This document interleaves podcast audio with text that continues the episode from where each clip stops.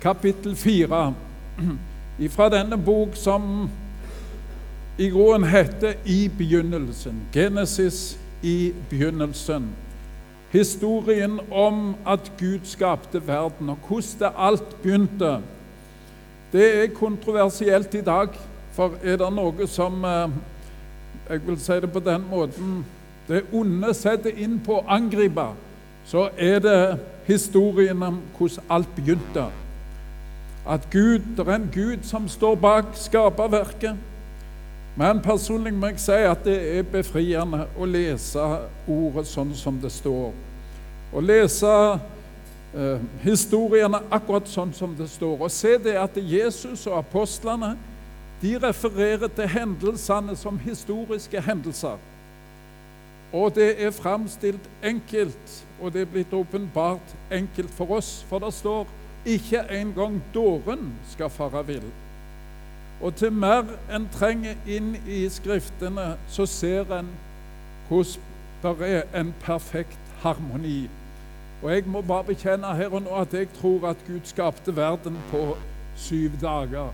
Til mer jeg trenger inn i det, så ser jeg at det må være sånn. Gud skapte verden, livet og menneskene, og så så han at det var godt. Etter hver dag så sa han det var godt. Han var fornøyd med det han hadde skapt. Adam fikk til slutt Eva som medhjelper, som likeverdig, skapt i Guds bilde. Og det første dikt i, i um, i Bibelen, det er det som Adam sier når han fikk se Eva. Wow! Han likte det han så. Perfekt tilværelse. Men så kommer kapittel tre, der eh, menneskets største tragedie er beskreven. Der mennesket gjorde opprør imot Gud. Hvordan det svelgte Satans agn og alt kom i ulage.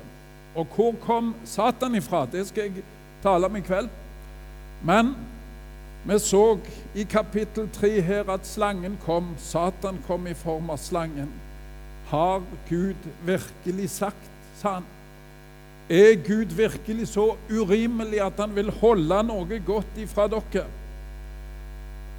Og han sa i groen at Gud lyger, rett og slett. Han lurer dere. Dere kommer slett ikke til å dø, sa Satan til menneskene, og de svelgte agnet. Og de beit på, og de slo seg i sammen med han. Problemet er at eh, når Satan taler, så er det alltid litt sant i det. Og Her ser vi òg at eh, Gud hadde sagt dere kommer til å dø. Men menneskene de dør ikke momentant. Men de skulle få erfare at Guds ord var sant.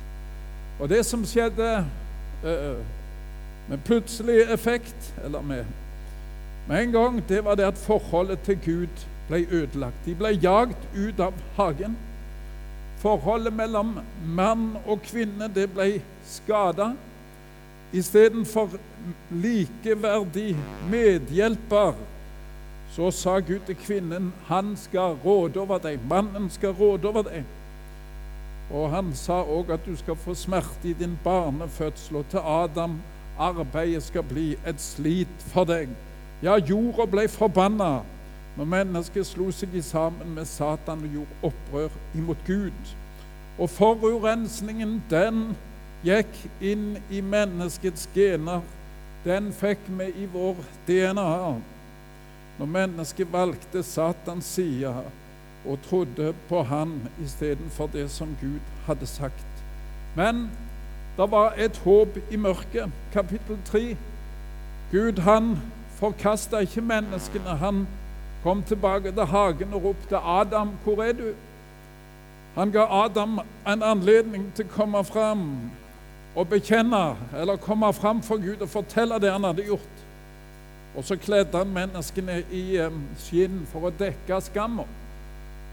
Så sa han òg til kvinnen at en dag så kommer det en i kvinnens sett som skal knuse slangens makt, slangens hode. Og Nå kommer vi til kapittel fire.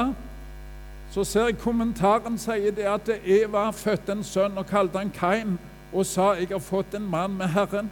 Hun trodde antageligvis nå kommer han som skal knuse slangens hode. Men det var ikke han som kom ennå. Hun fødte òg en annen sønn, Abel. Og disse brødrene vokste opp. De var forskjellige, men de utfylte hverandre. Kain var jordbruker, stelte med markens grøde.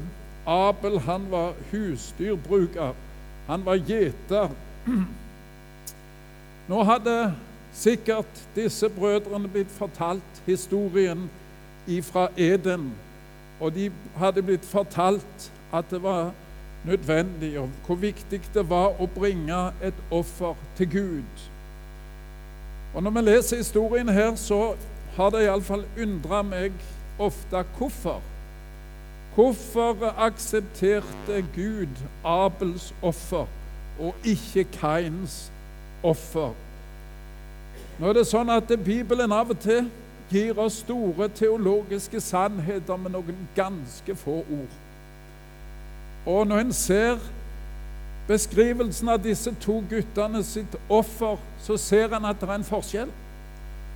Det står om Kain at han brakte ett offer fra markens grøde.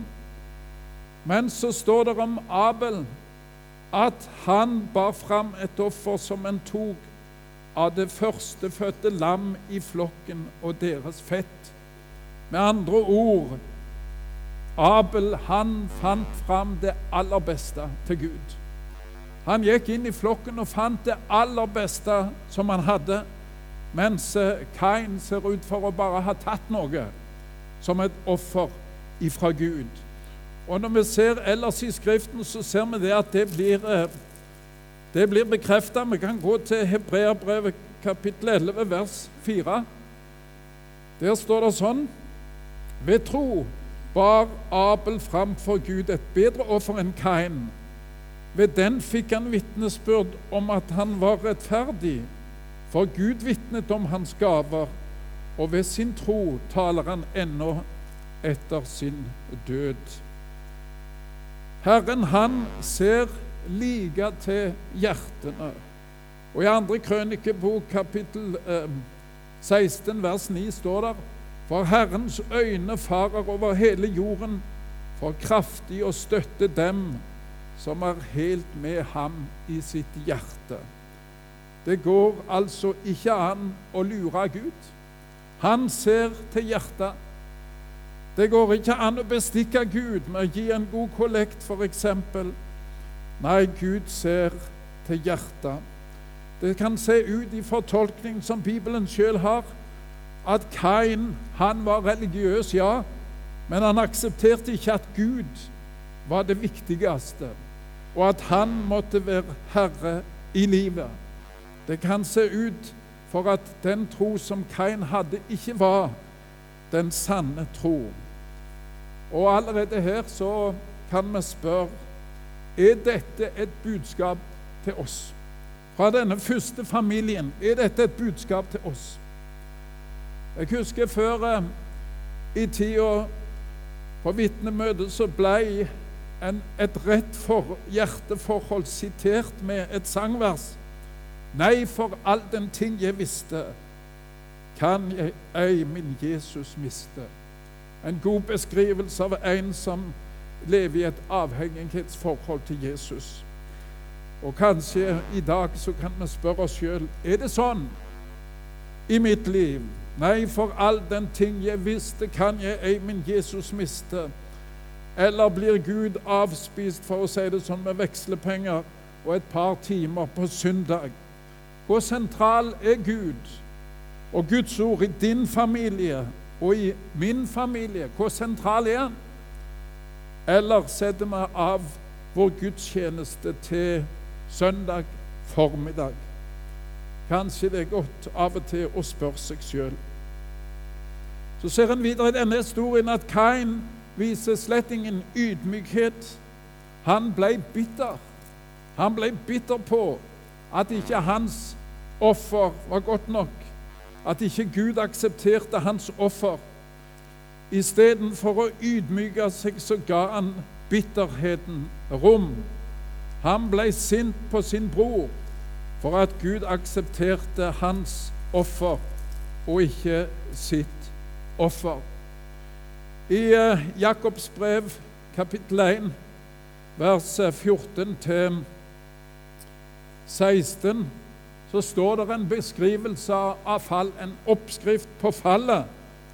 Der står det enhver som blir fristet, dras og lokkes av sin egen lyst. Når lysten har unnfanget, føder den synd. Når synden er fullmoden, føder den død. Så kommer Gud inn der når lysten holder på å ta tak i Kains hjerte, så sier han, 'Hvorfor er du bitter?' Hvorfor uh, gir du bitterheten rom? Synden ligger på lur, han har lyst på deg. Gud advarte Kain. Og uh, det som uh, Gud sa til Kain, finn en gjenlyd av i hele Skriften, f.eks. i Efeserbrevet, det sjette kapittelet, og fra vers 11 og utover. Der står det 'ta Guds på dere Guds fulle rustning', så dere kan holde stand mot djevelens listige angrep. For vi har ikke kamp imot kjøtt og blod, men mot maktene, mot myndighetene, mot verdens hersker i dette mørket, mot ondskapens ånde her i himmelrommet. Ta derfor Guds fulle rustning på, så dere kan gjøre motstand på den onde dag og bli stående etter å ha overvunnet alt. Det er et tema i Skriften som går igjen. At det der er en ondskap, der er en ond person, personlighet som vil ødelegge for Guds plan med oss menneskene. Synder ligger på lur, akkurat som leoparden ligger på lur til sitt bytte og vil kaste seg over deg. Og du må kjempe imot den, sier Gud til Kain.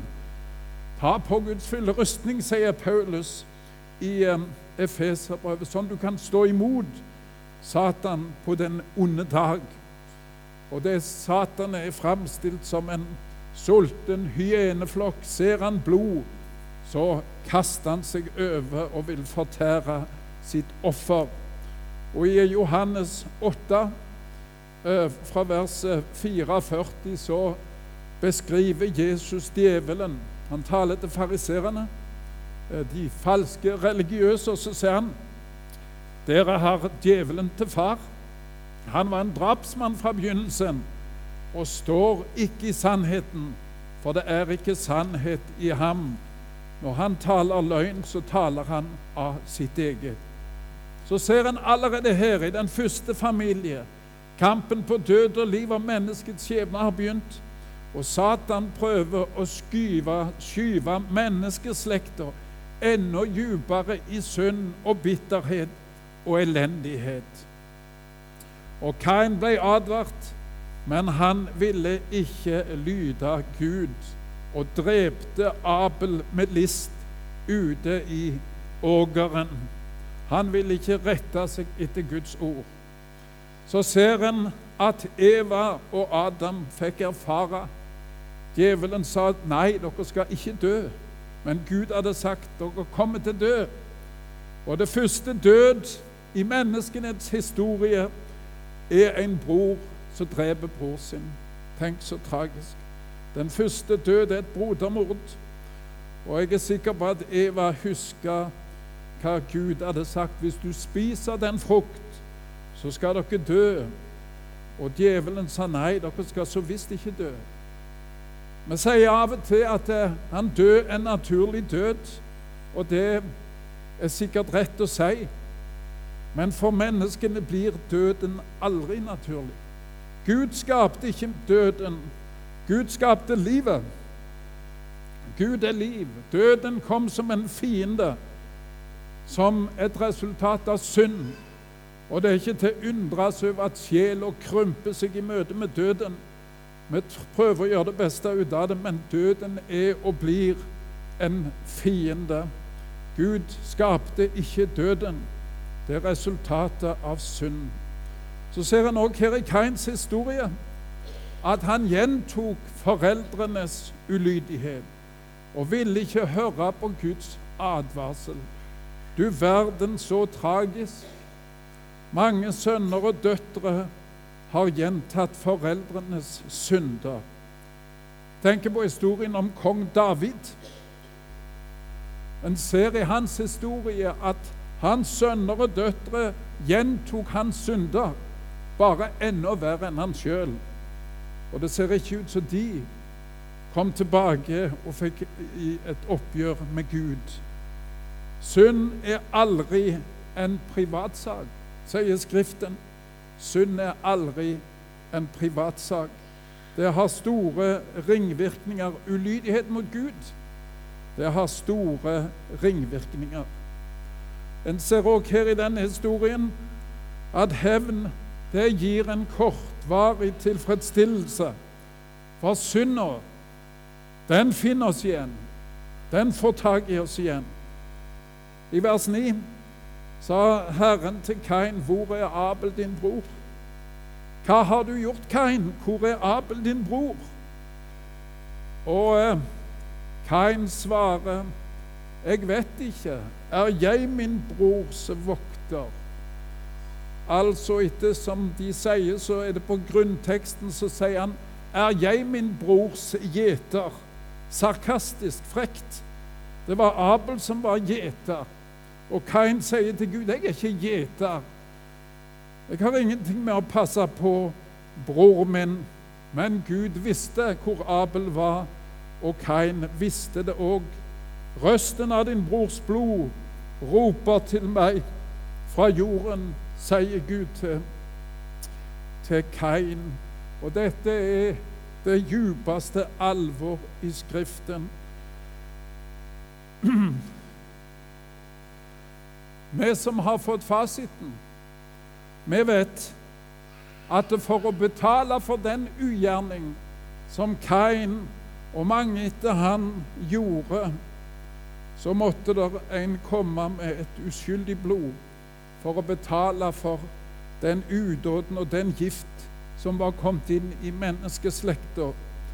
Det blod som rant på Golgata, som rant i Getsemane, blodet fra en uskyldig. For Gud, han tar ikke lett på synd. Kain fikk ikke diagnosen utilregnelig i gjerningsøyeblikket. Han ble stilt ansvarlig for det han hadde gjort. Og når jeg leste disse ordene her blodet, Røsten fra din blod, blod roper til meg fra jorden. Så kom jeg til å tenke på at i Norge fra 1973 så har vår stat tatt livet av nesten en halv million ufødte barn. Det som står i veien, må vekk. Samtidig leste jeg fra USA fra 1973 54 millioner er blitt tatt livet av i abort. Gud tar det er ikke lettvint med synd. Til Kain sa han du skal være bannlyst og en flyktning og en vandrer. Du skal være rastløs. Og Kain sa du straffer meg hardt, Herre. Han klagde. Misgjerningen min er større enn jeg kan bære. Nå blir det vanskelig for meg, Gud. Det blir vanskelig for meg. Nå er det en som ser meg, så vil de ta livet av meg. Denne bekjennelsen minte om Judas sin bekjennelse. En bekjennelse som ikke kom til Gud i ydmykhet og ba om nåde og tilgivelse. Og der er i Skriften en forherdelse. La oss se på et ord fra Åpenbaringen kapittel 9. Der står om den siste tid, og om eh, trengsler og vanskeligheter som skal komme over menneskeheten. Og så står det men resten av menneskene, de som ikke ble drept ved disse plager, omvendte seg likevel ikke fra sine henders verk. Så de sluttet å tilbe de onde ånder av avgudsbildene av gull og sølv og kobber av stein og tre, de som verken kan se eller høre eller gå. Og de omvendte seg ikke fra sine mord eller fra sine trolldomskunster eller fra sitt horeliv eller fra sine tyverier. Det er ikke sånn at når menneskene kommer inn i trengsler, og som de er skyld i sjøl, så kommer de til Gud i ydmykhet og ber om nåde. Nei, Det kan i mange tilfeller virke motsatt. Når forherdelsen har trådt til, så virker det sånn at en vender Gud enda mer ryggen og klager til Gud og anklager han for det som jeg har måttet gå gjennom.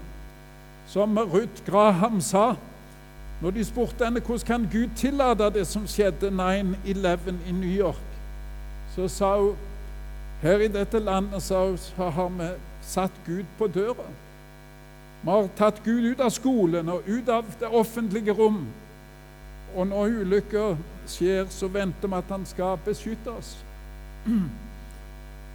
Alt på tross av Tilbake til historien. På tross av det som Kain hadde gjort, og at han var blitt kommet inn under Guds forbannelse, så var han ikke fritt vilt. Så sa ikke Gud nå kan hvem som helst bare ta livet av deg. Nei, Gud vil i sin nåde òg beskytte han. For i romerbrevet så står det noe om at hevnen, den hører Herren til. Det er ikke opp til oss mennesker å hevne synderne og hevne de som For staten står der. Staten skal bære sverd, ja. Men for det enkelte mennesket så er det ikke opp til oss å hevne, å hevne oss på Guds vegne. Så kommer vi ned til vers 16. Så dro Kain bort fra Herrens åsyn og bosatte seg i landet Nådd. Vemodig Herren Kain dro bort fra Herrens åsyn. Han ydmyka seg ikke og falt på kne og ba Gud om tilgivelse. Han dro bort fra Herrens åsyn. I 1. Johannes brev, det har vi ikke på tror jeg, eh, på lista, men der står det et råd til oss mennesker. Vi skal ikke være som Kain, som var av den onde og slo i hjel sin bror. Og hvorfor slo han ham i hjel? Fordi hans gjerninger var onde, men hans brors gjerninger var rettferdige. Vær ikke som Kain. Så skal vi gå litt videre. For det er viktig når vi leser disse tekstene, hvordan gikk det? At vi ser hvordan det gikk. Og vi leser Kains historie videre. Han fikk sønner, og sikkert òg døtre. Og det er underlig å se i disse fire første kapitlene av eh, Første Mosebok at det er som en symfoni rundt et tema, rundt en struktur. Og sentralt i, denne, i dette temaet er tallet syv. Tallet syv, det er Guds tall. Det er det hellige tall, det fullkomne, altomfattende tall. I kapittel 1 ser vi det at Gud skapte verden på syv dager. Fra kapittel 1, vers 1 til kapittel 4, vers 26, så er Gud nevnt 70 ganger. Og i kapittel 2 så ser en det at Abel er nevnt syv ganger, Kain er nevnt 14 ganger, og bror er nevnt syv ganger. Det er en perfekt struktur. Og så ser en òg det at eh, når en leser om disse slektene, så er det et spesielt fokus på den syvende. På den syvende fra Adam, Kain, og til den syvende. Og den syvende i Kains slekt heter Lamek. Og Lamek leste vi om. Han var den første polygamist. Hans hustruer heter Ada og Silla, leser vi om i vers 19. og eh, fra vers 23, det tror jeg vi har på lista, 23 og 24 så leser vi hva Lamek sa, der han har et dikt, et poesi, om hevnen. Og han sier, 'Ada og Silla, hør min røst, Lameks hustruer, lytt til min tale.' En mann dreper jeg for hvert så jeg får, en gutt for hver skramme jeg får. For hevnes Kain sju ganger, da skal Lamek hevnes 70 ganger et poesi, poesi om hevn, der, det er et motstykke til det som Jesus sa i Matteus evangeliet. Når Peter spør hvor mange ganger skal jeg tilgi, skal jeg tilgi så mange som syv ganger. Og da sa Jesus nei, du skal tilgi 70 ganger syv. Og denne syven etter Kains slekt, Adam og Kain, han stemmer i et dikt, en poesi, om sin egen viktighet, om seg sjøl som en slags gud, og der temaet er hevn på alle som stiller seg opp imot han. Og Jeg har lest eh, spesielt eh, eh, en rapport som er fra en klinikk i USA som behandler mange av disse kjendisene som er, som er forbilder for mange og av våre unge. Og Da sier de der at det er en diagnose som er nokså ny, men som er sterkt tiltagende iblant studenter og iblant mange ungdom. Og mange av kjendisene de lider av denne diagnosen. Og De kaller den for NPD, narsistisk personlighetsforstyrrelse. Det som er typisk for denne, dette problemet, det er at det er en, som de sier Symptomene er en mental forstyrrelse, et oppblåst ego, sterk, overdreven følelse av egen viktighet og betydning, og et totalt behov for å bli priset og beundret. Man tror at man er senter i universet og viktigere enn alle andre. Fullstendig mangel på empati med andre menneskers følelser. Og De sier det at én av fire av college-studenter i USA bærer sterkt preg av denne diagnosen. Dette er arven etter Kain, der jeg sjøl er det viktigste. Der jeg sjøl må beundres, og det som står i min vei, må, jeg ryddes, må ryddes av veien. Arven etter Kain og den syvende som heter Lamek, det er at jeg sjøl er Gud, og at jeg sjøl er det viktigste i universet. Men så ser en videre her, en leste i det siste verset, fra vers 25 her, som ble lest. Eva hun fødte en til sønn. Det var ikke bare denne familien som var etterkommere etter Adam. Eva fødte en annen sønn, som hun kalte Sett. Og denne Sett, når hun fikk han, så priste hun Herren, for hun sa det at eh, Gud har meg inn, gitt meg en annen sønn, fordi Kain slo ham i hæl. Og denne Søtt sin familie, det ble en annen sort familie. Det står om Sett at han fikk sønnen Enos. Og Enos, det betyr svakhet eller veikskap. Og når en leser i kapittel 5 om eh, de etterkommere etter Sett, så var det ikke mange nobelprisvinnere der. Det ser ut til å være ganske vanlige folk. Men Enos, det der står om han, var at han var veik, og at eh, på hans tid begynte de å påkalle Herrens navn. De fikk bruk for Gud og ydmyka seg for ham. Og så skal vi se da at den syvende etter Sett, Adam i Setts familiegrein, han heter Enok.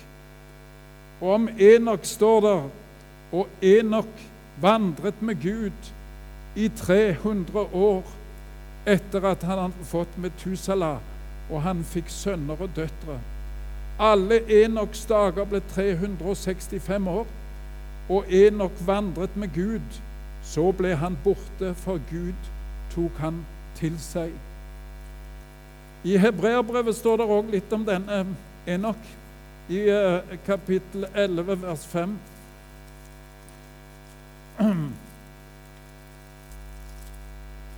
Og um, Der står det at ved tro ble Enok bortrykket da han ikke skulle se døden. Han ble, han, han ble ikke funnet fordi Gud hadde bortrykket ham. For før han hadde bortrykket ham, fikk han det vitnesbyrd at Gud hadde behag i ham. Altså, den familien, den syvende i den familien, han døde ikke. Han var altså forløperen for det som Jesus sier i Johannes 11, 25. Den som tror på meg, om han enn dør, skal han dog leve. Så er det altså to åndelige familier som springer ut fra Adam. Det er de som, der, som er viktige sjøl, og de som ikke trenger Gud. Og så er det den familien som vandrer med Gud, der resultatet blir evig liv. Enok døde ikke. Han var den syvende etter Adam og Sett, og han viser at den som vandrer med Herren, skal ikke dø, men leve evig. Som Jesus sier, 'Den som tror på meg, om han enn dør, skal han dog leve'. Amen.